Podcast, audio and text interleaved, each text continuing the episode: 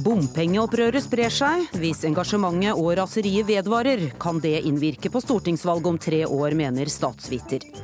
Hun er en sutrekopp, sier noen om tennisspilleren Serena Williams. Ikke rart hun reagerer etter år med hets og nedlatende kommentarer, svarer andre. Ekteparet solgte huset for at mannen skulle ha råd til å seile jorda rundt. Mannen kullseilte, båten ble ødelagt. Nå vil kona at mannen skal prøve en gang til. Hvis Are vil, så skal han få lov å seile igjen. Jeg unner han det. Og det pågår regjeringsforhandlinger i Sverige. FrPs Per Sandberg og Venstres Terje Breivik vet mer om hva som foregår på bakrommene. Hei og velkommen til ukeslutt. Jeg heter Kari Ørstavik, og vi har også litt klimaangst å by på. For ikke alle har nytt den varme sommeren vi har bak oss. En av dem er suksessforfatteren Maja Lunde. Å ja, det er klart jeg kjenner masse på klimaks når jeg sitter og jobber med disse tingene. Og egentlig enda mer når jeg ikke jobber med det. Men aller først bompenger. Vi er her for å si at vi syns nå har de eh, kommet til grense. Nå er det nok. Nå er det nok med avgifter. Bomringer rundt Fredrikstad. Too much. Det er altfor dyrt, altfor mange bommer. Og det må vi få slutt på. Ordentlig dritt. Syns vi betaler nok til staten. Med veiavgift og årsavgift, og i tillegg er det veldig dårlige veier. Det er noe tull. Det er pengeinnsamling. Det er skatt. Og vi betaler nok skatt. Vi må jo stå opp. Det norske folk må stå opp. For vi blir jo voldtatt av staten snart. Og vi betaler og vi betaler. Hva sitter vi igjen med av lønna vår til slutt? Ja, Bompengeopprøret har eh, spredt seg fra Nord-Jæren til eh, øst og sørover i Norge. I Fredrikstad stormet illsinte bompengeaksjonister et folkemøte denne uka og skjelte ut politikerne. I Kristiansand demonstrerte hundrevis av folk i sentrum av byen. Demonstranter i Oslo og Bærum kjørte i kortesje fra Sandvika til Oslo Spektrum. Og i Drammen skapte en kjør sakte-aksjon kaos i sentrum av byen, som igjen førte til at andre ble sure og sinte. Og Anders Lunde, leder for Aksjon mot bompenger i Drammen. Er da dette nødvendig? Det er helt nødvendig, for det vi må gjøre er å åpne øynene og ørene til politikerne om at bompenger kanskje er den verste måten å hente inn penger til staten på. Det er urettferdig, og det er usosialt, og det er faktisk unødvendig. Det er ikke riktig at småbarnsfamilier, skiftarbeidere, folk med ugunstig arbeidstid skal være de som belastes med å betale for veiene våre. Vi har et progressivt skattesystem som tar vare på rettferdighet, eh, og vi er et av verdens rikeste land. Vi har 9000 milliarder kroner på bok. Drammen kommune har en økonomi som er sylsterk. Her kan vi få til masse gode løsninger på miljø og god luft gjennom byplanlegging. Eivind Knutsen, du er gruppeleder for Arbeiderpartiet i bystyret i Drammen. Mange drammensere er sinte på deg nå. Hvorfor eh, hører du ikke på dem? Det er fordi at eh, det er klart at vi som politikere i byen hører de stemmene som Anders og flere andre eh, legger for dagen. Og det er jo ingen overraskelse at det er mange som mener at bompenger er en eh, heller mindre god idé. Men det som er helt klart, er at byen vår er i ferd med å spises opp av kø, kork og kaos. Og da er vi nødt til å gjøre noe for å få bukt med de problemene. Og da er det tre ting vi må gjøre. Vi må bygge nye veier. Vi må ha en høyere andel over på kollektiv. Og så må vi i tillegg innføre noen bilbegrensa tiltak for å sikre at eh, man slipper den køen som vi så at 100 biler skapte når de kjørte sakte nå om tirsdag. Mm. Kø, kork og kaos, eh, Lunde. og dere trenger nye veier. Er det ikke mer enn rett og rimelig at dere må være med å betale for denne varen dere får? Bilistene i Norge betaler allerede mer enn tidenes satsing på vei gjennom særavgift på bil. En av de tingene man snakker om, er jo å betale for hvor langt man kjører, og det gjør vi allerede gjennom bensinavgiften. Så bilistene i dag sponser hele veiene, som er til det beste for hele samfunnet. Jeg skal ta et eksempel. Hvis man bygger ny Konnerud-nedføring i Drammen til 530 millioner kroner, som ligger i planen, så frigjør man det som kalles en boligreserve, som man ikke har lov til å regulere ut til bygging nå.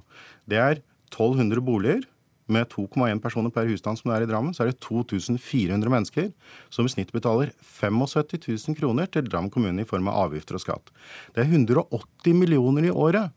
Hvis man i næringslivet kunne gjøre en investering som betalte seg i løpet av tre år, så er det løp og kjøp man sier. Mm. I Drammen kommune kan man gjøre den investeringen, og så bor det 10 500 mennesker oppe på Konnerud fra før av. De betaler 800 millioner i skatt. Så du mener du at Drammen kommune har mer enn nok penger til Jeg å mener, kunne betale? at, jeg mener at de som bor på Konnerud allerede betaler for Konnerud-nedføringen, og de nye som kommer dit vil kunne gjøre det bare med en investeringsandel på 20-25 som er tradisjonelt for Drammen kommune.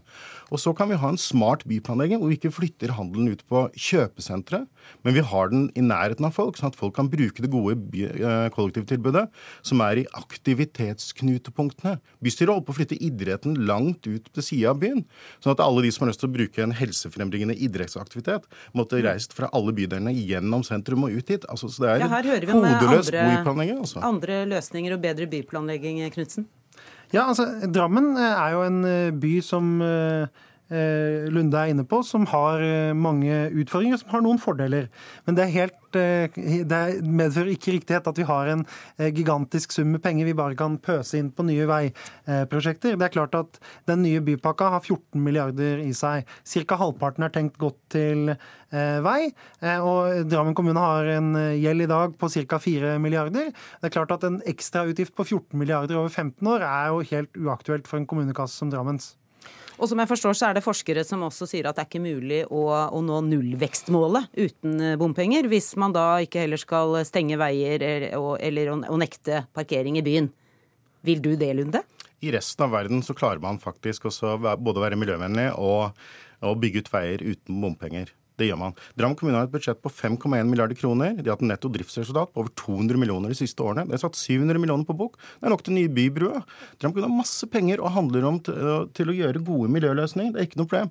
16 000 mennesker i Drammen syns bypakka er en elendig løsning. Og jeg er helt sikker på at like mange syns bommer er en dønn urettferdig måte å gjøre det på. I Stavanger så var en tredjedel mot før de fikk bommer. 70% er mot etterpå. Nå må du høre etter, Eivind Knutsen. Velgerne vil ikke ha det. Det er smarte, oppegående folk. Dess mer vi graver oss ned i dette her, dess dummere blir løsninga. Ja, altså, Drammen trenger jo disse nye veiene, det tror jeg jeg Anders er enig om. Du er enig i at vi trenger disse nye løsningene for å sikre at eh, man unngår den køen og den korken og det kaoset som er på vei inn i byen vår? Vi er enige i at vi skal ha nye løsninger, og at vi skal ha bedre luft. Vi skal få trafikken ut av byen, og det får ikke den pakka. Jo, det tror jeg den pakka får. Og det er også sånn at staten har lagt noen eh, premisser i forhold til eh, nye veier i Drammen. De sier f.eks. at ny Strømsåstunnel, Europa 134, og ny Holmenbru må finansieres delvis gjennom eh, bompenger. Og I tillegg så er det under forutsetning av en bypakke.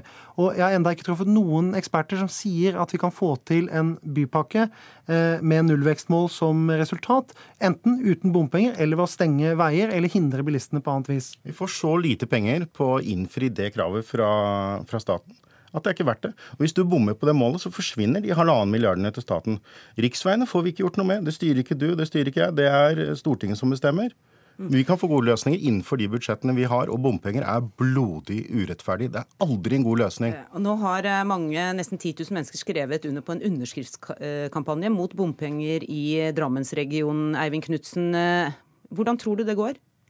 Nei, Jeg er veldig glad for at eh, drammenserne engasjerer seg i de spørsmål som er viktige for dem. Jeg er veldig glad for at man også løfter det inn til oss politikerne. for Hvis ikke så eh, får vi jo Ja, og Du står på gjenvalg. Tror du at du har flertallet bak deg? Det er i hvert fall sånn at uh, syv av ni partier som gikk til valg i Drammen i 2015, sa at man ønska en bypakke, og de partiene fikk 90 av stemmene. Eh, og det er jo et Det får de eh, ikke i 2019, det kan jeg love deg. For i 2015 så visste vi ikke hva det var dere satt og holdt på med i sånne hemmelige ATM-utvalg og hva det var. Dere, dere dro ikke pakka til torgs. Dere sa ikke her, vi skal ha denne bypakka, vi skal ha bompenger, dere skal betale det utover det dere allerede betaler. Og helst skal småbarnsmødre og familieforeldre de skal, de skal betale for våre veier. Det gikk ikke dere til torgs og sa. Og så feier dere det under teppet ett år før valget. Det er en dårlig måte å skjøtte demokratiet på. Anders Lunde, hvis dere nå ikke får gehør hos politikerne, tror du bompengeopprøret vil kunne innvirke på kommunevalget i 2019? Vel, I 2003 så var den som eh, gikk ut eh, som seirende ordfører, det var en som protesterte mot bompenger. Og i 2019 så er den som sitter med ordføreren, den som hører på folket. Det er jeg helt sikker på. Takk skal dere ha, Eivind Knutsen, gruppeleder for Arbeiderpartiet i bystyret i Drammen, og Anders Lunde, leder for Aksjon mot bompenger i Drammen. Og det var eh, Drammen. Eh, Det betente bompengeopprøret har eh, kommet over store deler av landet, som følge av Stortingets vedtatte ønske om flere bomstasjoner og økte bompengetakster. Statsviter og førsteamanuensis ved Universitetet i Stavanger, Svein Erik Tuastad, velkommen til deg også. Takk skal du ha. Kan du først forklare dette enorme engasjementet og raseriet hos folk når det gjelder bompenger?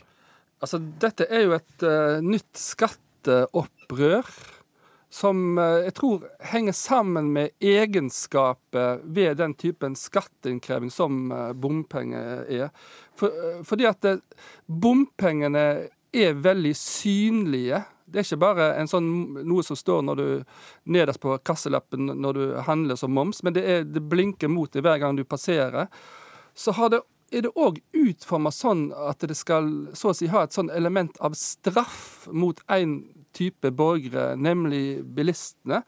Og det er jo heller ikke noe som andre skatteformer har. Og dessuten så er det jo faktisk òg eh, altså, veldig dyrt. For eksempel, altså, det kan være når bompengene plutselig spretter eh, opp.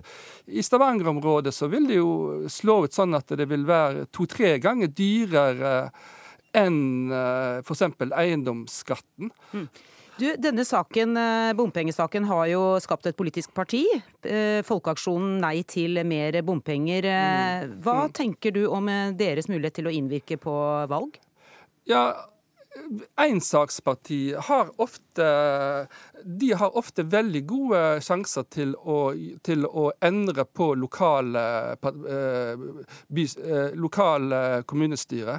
Så, så, det er jo veldig altså, Allerede i dag så er 21 representanter sånne som er utenfor de etablerte partilistene. Så i, i lokalpolitikken vil disse kunne bli, bli, bli Men også, også på stortingsvalg, sa du til meg før sending. Har du eksempler på andre ensakspartier som har gjort det?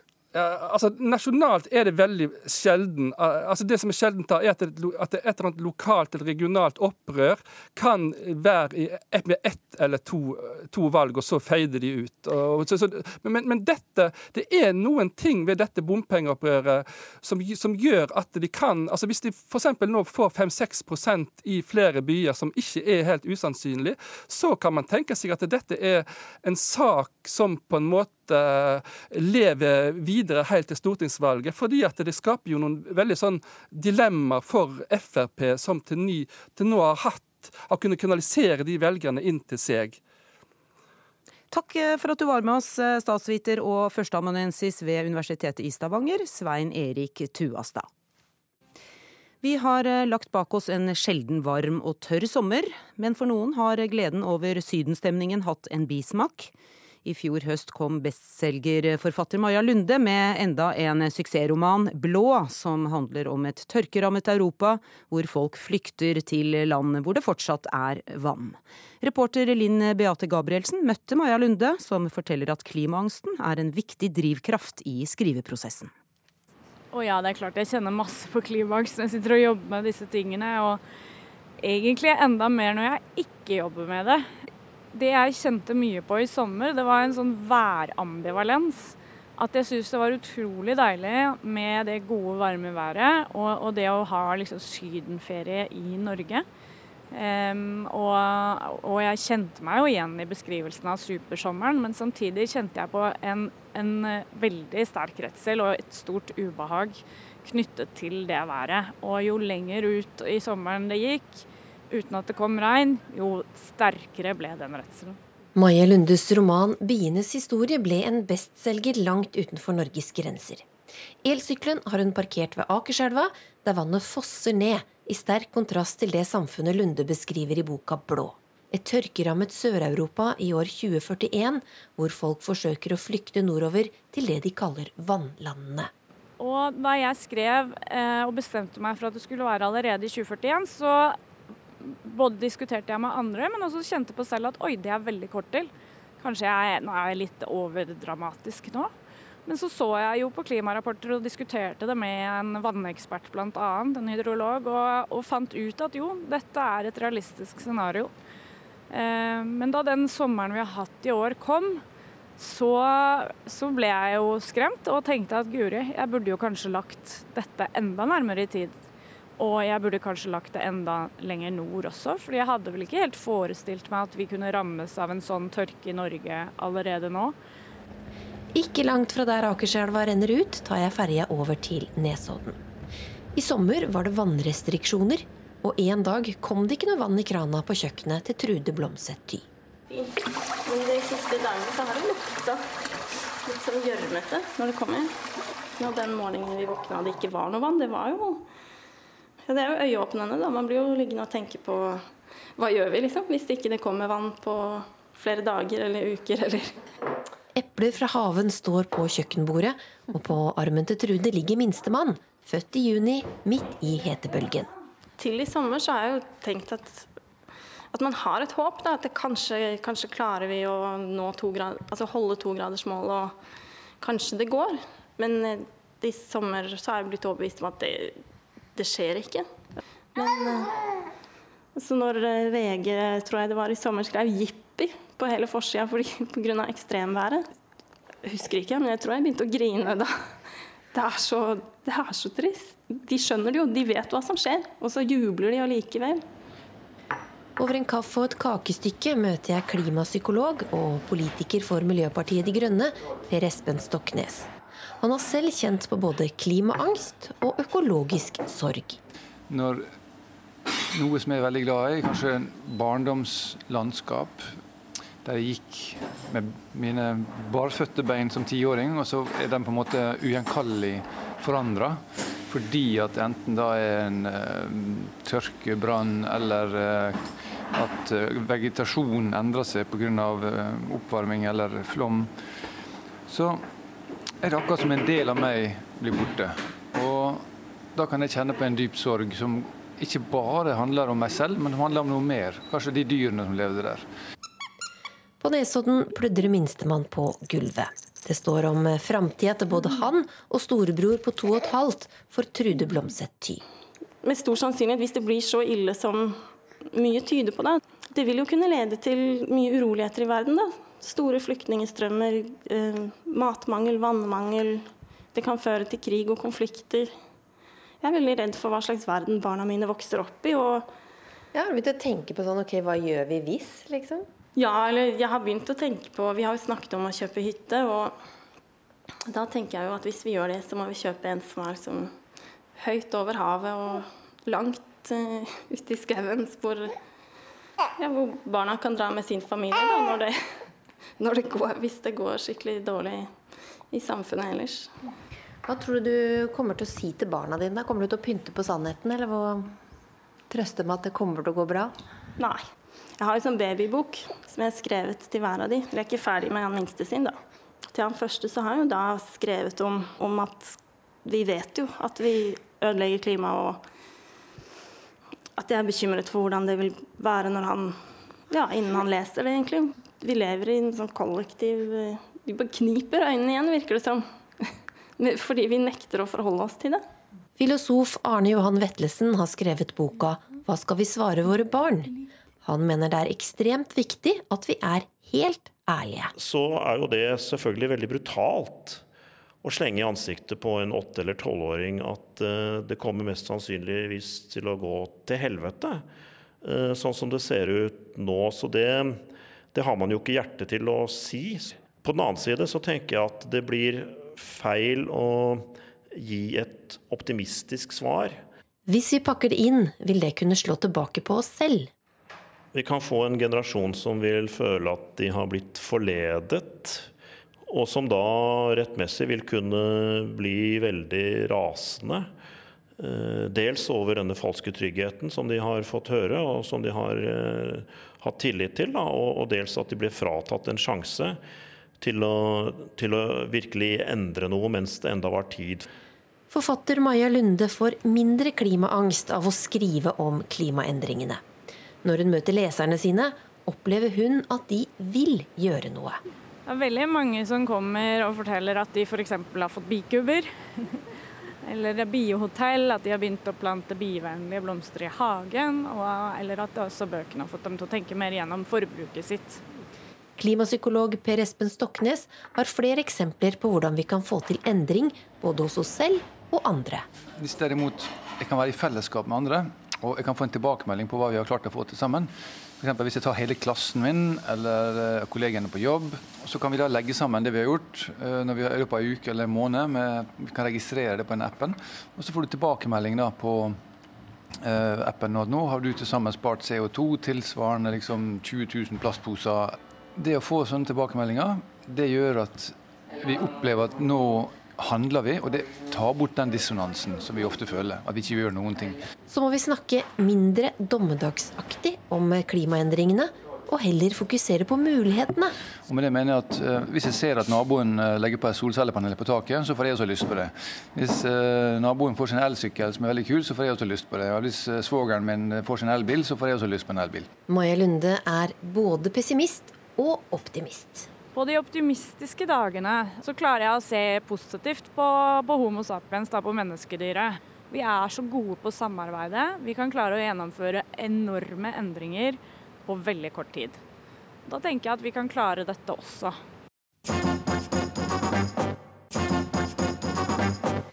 Den eh, siste uka har det haglet rundt eh, tennisspilleren Serena Williams. Under turneringsfinalen i US Open forrige helg tente tennisstjerna på alle plugger da dommeren anklaget henne for juks.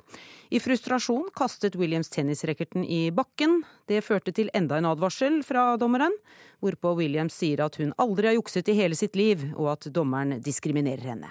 La oss høre. Code.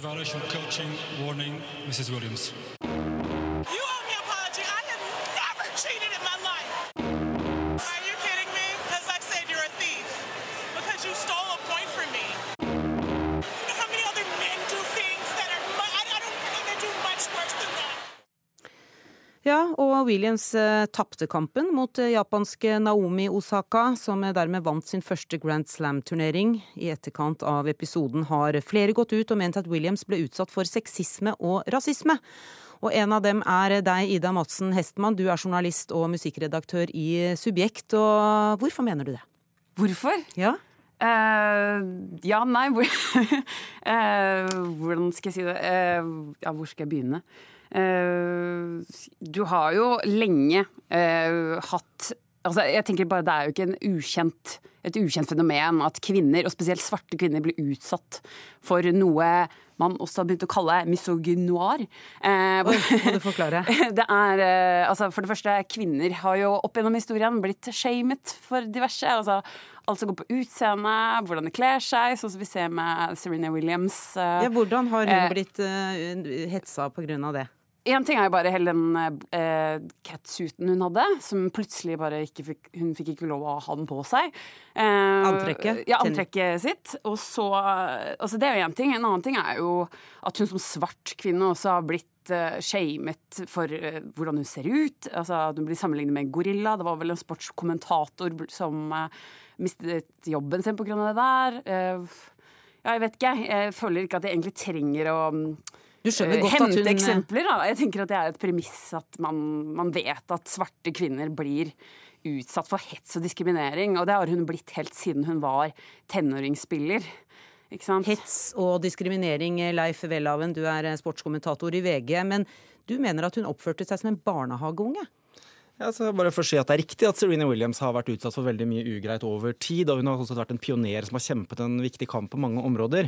Men det som skjer i denne situasjonen, er at eh, en av de mest rutinerte tennisstjernene i verden altså fullstendig ødelegger eh, øyeblikket for altså en 20 år gammel kvinnelig kollega som eh, vinner sin første Grand Slam-tittel. Og det gjør hun altså ved å begå tre helt klare regelbrudd. Altså Det er først etter at hun Først altså, handler det om at hun altså får coaching fra, fra, treneren som ikke er lov, men det får ingen konsekvenser. Og så knuser hun racket som mister et poeng, og så altså, trekker hun dommerens integritet i tvil. Først da mm, taper hun faktisk et game. Og da er spørsmålet, Hva har dette med sexisme å gjøre? Dette har å gjøre altså, med en stjerne som mister huet fordi hun er i ferd med å tape en kamp. Og, det, altså, det, og da syns jeg det blir feil å trekke det inn i den konteksten som Ja, eh, Hestmann, hun har helt eh, klart ja, brutt reglene.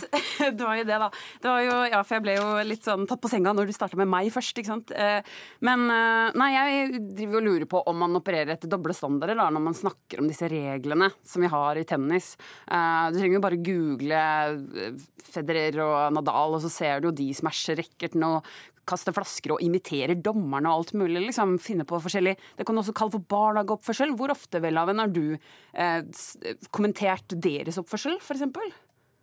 Ja, altså hvis det hadde vært tilsvarende som hadde skjedd med en, Nei, mann, en, med en mann i en finale, så hadde jeg ment akkurat det samme. Nei, det, interessant, det, interessante her er for å se på dette er jo, det, dette er jo på ingen poeng, dette er på ingen måte første gang Serena Williams mister hodet i en finale. Både i 2009 og i 2011 i US Open altså har det vært episoder. F.eks. har hun truet med å stappe en tennisball ned i kjeften på en kvinnelig linjedommer i den ene kampen. I den andre var det en kvinnelig hoveddommer som ble kalt uattraktiv på innsiden og en taper. Altså Det er en historikk her om en stjerne som når det koker og når det går imot, så klarer hun ikke å bevare roen. Og det som er synd, er at hun sånn sett ødelegger for seg selv, fordi på mange områder har hun kjempet en viktig kamp. Men altså det beretter berettiger ikke å oppføre seg på en uh, sånn måte. Og for altså en 20 år gammel kvinne blir stående og gråte på seiersseremonien fordi altså det store øyeblikket blir, ja, bør, vi, bør, vi, ikke forvente mer av en erfaren tennisspiller som Serena Williams, uh, Hestmann? Nei. Jeg tenker Kvinner skal få lov til å være sinte, og det er jo det som er hele poenget. Kvinner, eh, og særlig svarte kvinner, har jo vært utsatt for repetativ undertrykkelse og hets og rasisme over så mange år. Du, ikke, du må putte inn en kontekst her. Jeg tenker liksom, kvinn, Svarte kvinner har jo en mye større grunn til å føle aggresjon og sinne. Eh, det er jo nå én ting, men poenget mitt var bare at når menn i idretten eh, uttrykker sinne, så blir de liksom skånet, eller de får lov å tøye reglene, men det får jo ikke kvinner i like stor grad. Ja, kan vi se denne hendelsen i et vakuum, Welhaven? Altså, er det ikke forståelig at et konkurransemenneske som Serena Williams eksploderer etter mange år med hets og diskriminering, hvis det nå er slik? Du innrømmer jo sjøl at du har fått en dårlig medfart. Ja, men poenget, Problemet er bare at kartet og terrenget stemmer ikke i denne, i denne saken. Det er, viktig, altså, det er en viktig kamp hun har kjempet, men dette tilfellet handler om noe helt annet. og det, altså, Dette underbygges ganske godt at altså, denne dommeren, som er, har dømt OL-finale, har dømt alle de fire Grand Slam-turneringene, er kjent for å være veldig regeltro. Vi skal ikke lenger tilbake enn i fjerde runde i French Open i fjor, hvor også Rafael Nadal, verdens eh, beste mannlige tennisspiller, handler altså i en disputt eh, med samme dommeren, som altså handlet om at han brukte for lang tid mellom ballvekslingene. Det er også en, langt på vei altså en, en, en sovende regel. Ja, men som også denne dommeren, fordi han er veldig rigid, slår ned på. Og der, der er det ikke noe forskjell på hva som skjer med Nadal og William. Så skal vi diskutere dette, så mener jeg at det handler dette om altså, hvorvidt en dommer er for rigid eller ikke. Men ja. han har holdt seg helt innenfor regelverket. Hun har brutt tre regler som hun meget vel vet at eh, hun er nødt til å overholde. Og det må hun faktisk på et eh, punkt ta ansvar for selv. Ja. Nei, igjen, man må alltid se ting i en kontekst, tenker jeg. Eh, og så er det jo noe sånn at eh, menn i all, i all, tid har fått lov Altså, De blir alltid fremsnakka når de er sinte og viser aggresjon. Det er liksom en naturlig del av å være mann. Mens eh, kvinner får liksom ikke lov til det. I dag tidlig våknet jeg av en sånn artikkel som påpekte at svarte kvinner får jo ikke lov til å være sinte, for da blir det jo hauset opp i media. Alle skal kommentere det, og alle skal shame henne. Også du, Welhaven. Du, Der må jeg sette strek. Ida Madsen Hestmann, journalist og musikkredaktør i Subjekt. Og Leif Welhaven, sportskommentator i VG. Takk til begge to. Bompengeopprøret er blitt en ensaksparti. Slike partier er ofte et blaff, men kan også innvirke på valg, mener statsviter Svein Tuastad. Følg oss videre og hør at i Sverige holder de på, på siste døgnet, med å komme fram til en regjering. Fremskrittspartiets Per Sandberg og Venstres Terje Breivik har sittet i regjeringsforhandlinger to ganger, og vet mer om hva som foregår på bakrommene nå. Du ser har du en eh, erobrer i magen? Tror du at du kunne klart å seile jorda rundt, eller gå over Grønland, eller bestige K2 i Himalaya? Noen satser alt på å realisere slike hårete drømmer, men mislykkes. Og dem hører vi jo ikke så mye om. Reporter Kari Li har snakket med noen av dem som ikke havner i historiebøkene. Du ser motivet, her kommer bølgen bak. Idun Stormo Vik viser et nymalt maleri av en liten seilbåt under en kjempehøy blå bølge. De illustrerer jo i grunnen uværet og hva som skjedde med Are. Bølgen tok, eh, tok han, altså.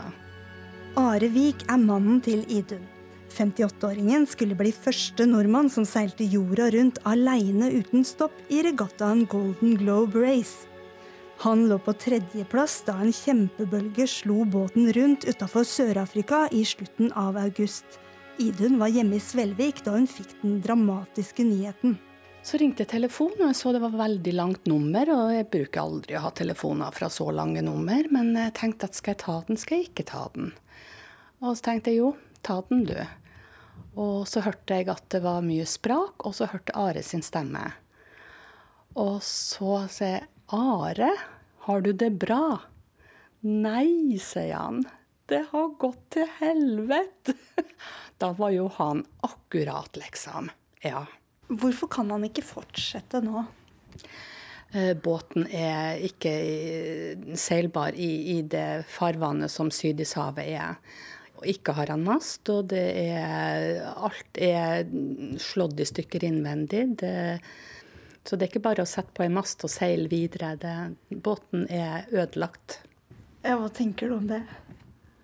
Ja, det er jo bittert. Bittert for Are sin del. Det er vi har jo satsa mye på at dette skulle gå i ordning. Vi har solgt hus, og vi har flytta. Vi har eh, jobba veldig for at det her skulle bli oppnåelig. Men eh, hvis Are vil, så, eh, så, så, så, skal han få lov å seile igjen.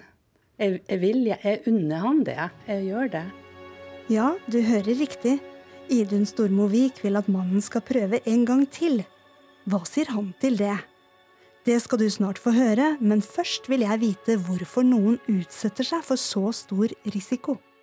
Vi mennesker har nok i oss, eh, helt fra naturens side, en sånn veldig trang til å overskride eh, oss sjøl og de begrensningene eh, vi møter. Vi, vi liksom ser oss sjøl og måler oss opp mot verden, og vil gjerne legge verden under oss, da, egentlig, i mer eller mindre bokstavelig forstand. Psykolog Peder Kjøs mener mange i vår tid tror de lykkes bare de vil nok. Det å ha viljekraft går liksom over alt av kompetanse og andre forutsetninger. Det viktigste er at du vil.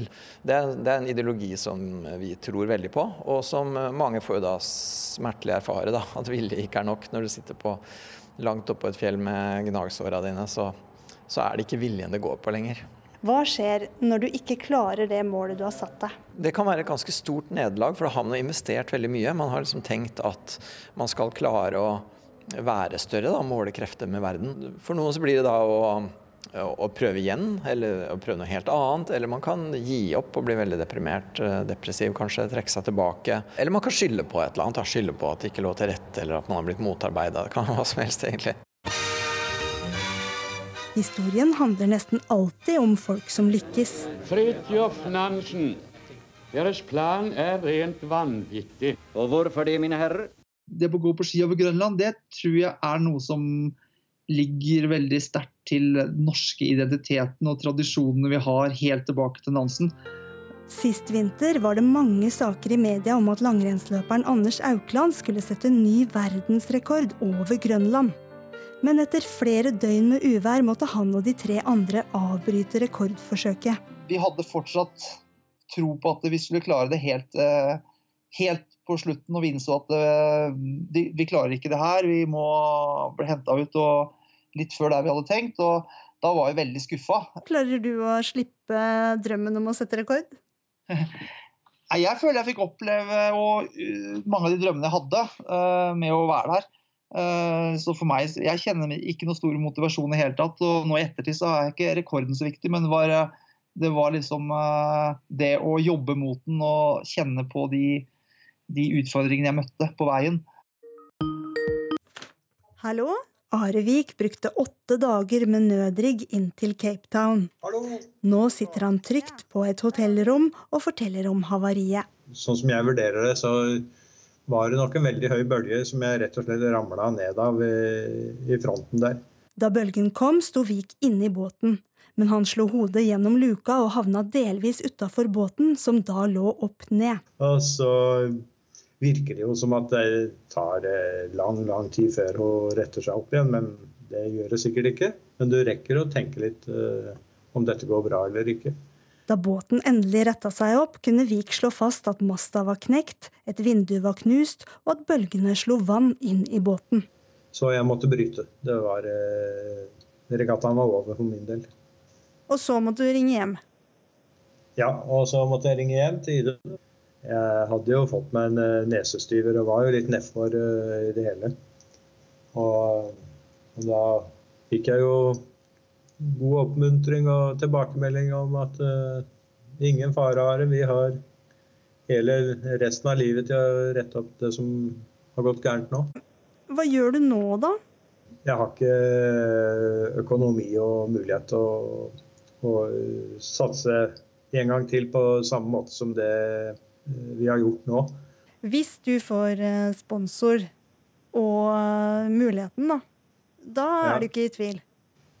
Jeg er ikke veldig mye i tvil da, nei.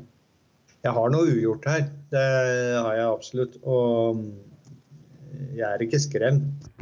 Det er billetter, returbillett hjem, og så er det PC og forsikringspapirer. De viktige papirene ligger på bordet. Idun Wiig skal reise til Cape Town og møte mannen sin dagen etter. Det, er, det blir veldig godt å se han, men det er jo veldig kjedelig. Det er jo det. Det fargerike maleriet av seilbåten og bølgen som knuste den, skal også være med. Men tror du Are har lyst på et bilde som minner han om det som skjedde? Jo da, bildet det, det, Vi må jo ha det oppe i stua. Det er jo eh, Ja, hva skal jeg si? Det er jo på en måte livets skole. Du lærer ting etter hvert. Ja, og Du kan eh, se møtet mellom, mellom eh, Idun og Arevig i eh, Cape Town i Lørdagsrevyen i kveld. Nå er det verkligen opp til bevis Ulf Kristersson. Hvordan tenker du bytte regjering? Hvordan tenker du bytte regjering? Tenker du velge Stefan Löfven eller tenker du velge Jimmy Åkesson? Nå vil vi ha svar på den frågan. Jeg skiljer mellom sak og person. Men nu ska statsminister Stefan Löfven avgå. Vad var det vi sa? Räkna aldrig, aldrig ut en kristdemokrat igen. Ja, I morgen blir det klart hvem som skal styre Sverige. Valgresultatet er såpass jevnt mellom blokkene at det nå er nesten like mange regjeringsalternativer som det er partier i Riksdagen. Hva de ender opp med er foreløpig uklart, men de foreløpige resultatene viser at det er de rød-grønne partiene som får størst oppslutning, med 144 mandater. Alliansen får 143 mandater, mens Sverigedemokraterna får 62. Per Sandberg, nylig avgått fiskeriminister fra Fremskrittspartiet, velkommen til ukeslutt. Jo, takk.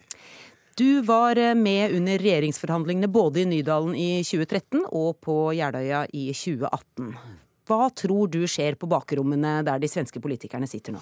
Ja, Det tror jeg er helt umulig å si, og det skyldes jo også at det har vært kaotisk både før, under valgkampen, eh, og kaotisk er det nå etterpå også. Det er jo fordi at vi kjenner igjen det at man eh, faktisk da isolerer et, eh, et stor, en stor andel av stemmene i, i Sverige, altså Sverigedemokraterna. Og så står det vippe mellom ett og to mandat, så det er jo veldig spennende. Men, og og nå er det veldig mye kjøpslåing, noe som jeg er rimelig sikker på at svenske velgere irriterer seg eh, grenseløst over. Eh, det er jo nettopp dette som gjør at velgerne blir frustrert, irritert og litt sånn Du får ut litt sånn politikerforakt. For du driver man og kjøper og selger for å komme i posisjon, nettopp for å unngå at en stor del av stemmene, eh, demokratiet i Sverige, blir eh, skyfsla bort, nærmest. Terje Breivik, nestleder og parlamentarisk leder i Venstre, velkommen til deg også. Du er med oss fra Vestfjorden i Nordland. Du var også med på regjeringsforhandlingene både i Nydalen og på Jeløya. Hva overrasket deg aller mest ved å være med i slike forhandlinger? Nei, nå var jo inngangen til, til forhandlingene i 2013 annerledes enn det i Sverige, selvsagt.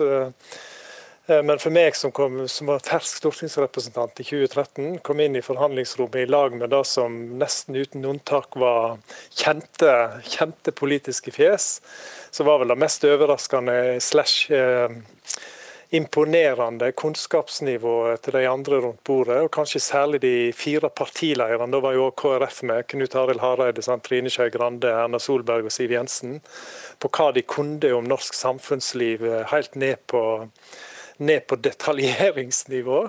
Og Sånn sett så var det jo både, både en forhandlingssituasjon, men for meg òg en helt unik mulighet til virkelig å få, få i, en rask, eh, god innføring i, i norsk politikk, norsk samfunnsliv. Mm. Sandberg, hvordan var møtet med Venstre og Terje Breivik for deg? Det er i hvert fall ingen tvil om at eh, det er riktig det som Terje sier, at når vi sitter i denne type forhandlinger, så er det utrolig mye kunnskap. Eh, det skyldes også erfaring over lang, tid, selvfølgelig. Men det skyldes også når man har denne type forhandlinger, så forbereder man seg grundig. Eh, partiene eh, forbereder seg. Hver enkelt som deltaker i en sånn forhandling leser seg opp. Tar noen dypdykk i politikken for å være best mulig forberedt. Og så er man best mulig forberedt i den forstand også at før denne type forhandlinger så tar man også en grundig Eh, dypdykk i de andre politiske partiene sine partiprogram, prinsipper osv. for å forberede seg best mulig. Men, men så, men så syns jeg en Terje litt eh, Det var ingen som merka at en Terje kom som uh, uerfaren oppi disse forhandlingene. Uh, og Det er jo det som har vært bra både med Nydalen og, og nå på Jeløya, at, at uh, man nærmest sitter med like mye posisjon Eh, man har like forutsetninger. Det er sånn man starter. Og der er jo Erna Solberg helt fantastisk til å lede denne type forhandlinger. Men jeg regner med at sånne personmøter, altså personlig kjemi, har eh, mye å si. Breivik, hvordan var ditt møte med Per Sandberg? Nei, Mitt møte med Per Sandberg var at jeg fulgte, jeg fulgte han ut i hælene i pausene. Dette var jo i Nydalen høsten 2013. Eh, det var første gang Frp satt i regjeringsforhandlinger. Det var definitivt første gang Venstre og Frp satt i samme rom. Eh, og Forhandlinger er jo i, i regelen 12-13-14 timers dager med veldig lite pause. Og når vi hadde en sjelden pause, så for å komme oss ut i frisk luft, så måtte vi gjennom en hel hærskare med journalister og fotografer. Og Da var det jo for meg som igjen var en, var en fersking i denne sammenheng, veldig trygt å gå bak Per ut når han skulle ut og ha seg en røykepause. Men så må jeg jo, må jeg jo vedgå, da kjente ikke jeg Per, Per kjente ikke meg, at Sammenligna med f.eks. Jeløya fire år etterpå, så gikk jo praten veldig trått, og vi skulte litt på hverandre. sant? Det er jo ikke, det er ikke tvil om, Vi representerte jo de to partiene som det politisk størst, var størst avstand imellom, for så vidt det er stor avstand avstand mellom på en del sentrale politikkfelt. Så Sånn sett så var det jo mye, mye hyggeligere på det personlige plan å stå ute i laget på Jeløya enn det var i Nydalen. Så, Husker du ja. dette, Sandberg? Jo da, men vi sto ikke så mye ute på Jeløya. Fra Terje, vet du, når, når, det var noen få pauser, om det var fem minutter eller om det var en time, så var jo Terje ute og løp, han ikke sant? Eh, Mens du sto og røyka? Nei, faktisk så var det sånn at jeg prøvde å gå og løpe i Terjes fotspor da nå var ute på Jeløya også, men, eh, men, det er klart det begrenser seg eh, å følge han i forhold til løping. Men, men det fra Nydalen er jo helt riktig, men, men, samtidig så tror jeg altså man lærte mye fra, fra Nydalen, i hvert fall Fremskrittspartiet og Venstre. Ja, det er riktig at partiet Venstre og Frp har skillead på en par-tre områder. Men vi fant også, eh, overraskende nok tror jeg, særlig for Høyre, og kanskje også for Terje, men det at eh, Venstre og Frp har mange fellespunkter. Jeg eh, skal ikke ramse dem opp her, men altså sånn som små og mellomstore bedrifter, infrastruktur og alt dette. Så det fant vi fort ut også, at vi hadde mye felles. Og så er det riktig, når vi kommer til Jeløya, så hadde vi jo erfaringer gjennom samarbeid i storting, regjering, så det var en helt annen setting. Eh, men ingen må gå rundt og tro det at når vi satt oppe i Jeløya at det var enkelt. Der, der, fløy det også litt, av, litt forskjellig i lufta. Fordi det skjønner eh, vi andre rundt her også, at det er veldig mye hestehandling. Og det handler om kunsten å svelge kameler i stor grad. Eh, jeg kan tenke meg at temperaturen kan være ganske høy òg? Å oh, ja, absolutt. Fortell, hva skjer? Nei, men altså, det, det, det, er mange pauser som blir tatt fordi at enkeltmedlemmer i forhandlingsdelegasjonene blir så eitrende forbanna at man må ut og puste med magen. Det kastes, og det slås i bordet. og Gråten kommer i en rekke sammenhenger også. Så, så tøft kan det være, men det skal det være. Eh, dette er som en forbereder seg mer som en, på en fotballkamp. Det, vet du. Når du går inn i sånne forhandlinger, så, er, så, må du bestemme deg om du skal ha høyt press, lavt press, og når du skal gjøre dette, balansere midtbanen osv. Og så er det jo sånn at vi har jo alle partiene eksperter eh, som sitter litt på utsida og ser litt inn på oss når vi nærmer oss sluttfase. Det er jo for å unngå at man går Rett og slett for å unngå at man svelger for store kameler. Da. Ja, da kan man kveles. For, det, for, da kan det bli vanskelig å komme ut fra dette forhandlingsrommet. Og så, eh, så når man er ferdig med disse forhandlingene, så er det også tror jeg, viktig at ingen er 100% fornøyd. Verken med det, på, eh, på det positive eller på det negative. Nei, En hestehandel er vel, ender ja. vel ofte sånn. Eh, jeg spør dere begge, utenom Erna, som dere er programforplikta til å nevne. Hvilken enkeltperson eh, vil dere trekke fram som hadde en stor betydning? Først til deg, Breivik. Nei, Min egen partileder, Trine Skei Grande. sant? Altså, det er, altså, du kan si alle de tre, tre partiene, hvis vi nå trekker det ned til Jeløya eh, altså, de, har jo, de, har jo, gode personlige relasjoner, samtidig som de er jo drivende flinke politikere. og Trine også, som, som hadde jo i, særlig nå på Jeløya en vanskelig inngang sant, med et parti som hadde lagt bak seg en rimelig intens, til dels vanskelig debatt på kammer som i hele tatt skulle gå, gå i regjeringsforhandlinger. Eh, og skal jo da òg balansere med å gjøre en god jobb inn i rommet, samtidig som, som Per er inne på. Du, du, kan ikke gå så langt at du kommer i utakt med partiet, partiprogram eh, eh, og, og, baklandet ditt. Mm. Du, Hva spiser dere når dere sitter inne i forhandlingsrommene? Jeg husker svære bæreposer fulle av sjokolade. Jo, jo, altså, men det, det er en uh, utfordring for meg som eh, Nå har jeg heldigvis tatt meg på tak, da, nå, og nå blir det kanskje lenge til jeg skal være med på den type regjeringsforhandlinger. Det gjør kroppen godt. Eh, men det, det er alltid noe å spise på. Ja. Eh, enten i møterommet eller Hva er det, da? Ja, det kan være alt fra kjeks, pølse med brød, sjokolade. Det er alltid et eller annet å spise på, det er alltid et eller annet å drikke på. Og det syns jeg er litt uheldig, da. Men det betyr jo det at vi blir jo proppfulle med energi alle sammen når vi går inn i forhandlingene. Og så må jeg få lov til å si jeg er helt enig med Terje. Eh, Sjøl om at eh, man kan peke på at sånn som eh, Respekt for Terje, for at han, når vi satt på Jeløya, hadde jo et område som var veldig viktig. Eh, og som han hadde jobba tett med samferdselsministeren på tidligere, altså bare med bil og alt dette. Eh, men det er klart at de tre partilederne eh, sammen gjør jo en fantastisk jobb å balansere det her på en, en utmerket måte. Du, Dere har svalgt mange kameler og kommet til løsninger sammen. Tror dere at Jimmy Åkesson får, Jimmy Åkesson får noen innvirkning på, på styre, regjeringen i, i, Sverige? Først til deg, Sandberg, veldig kort. Ja, påvirkning får han uansett.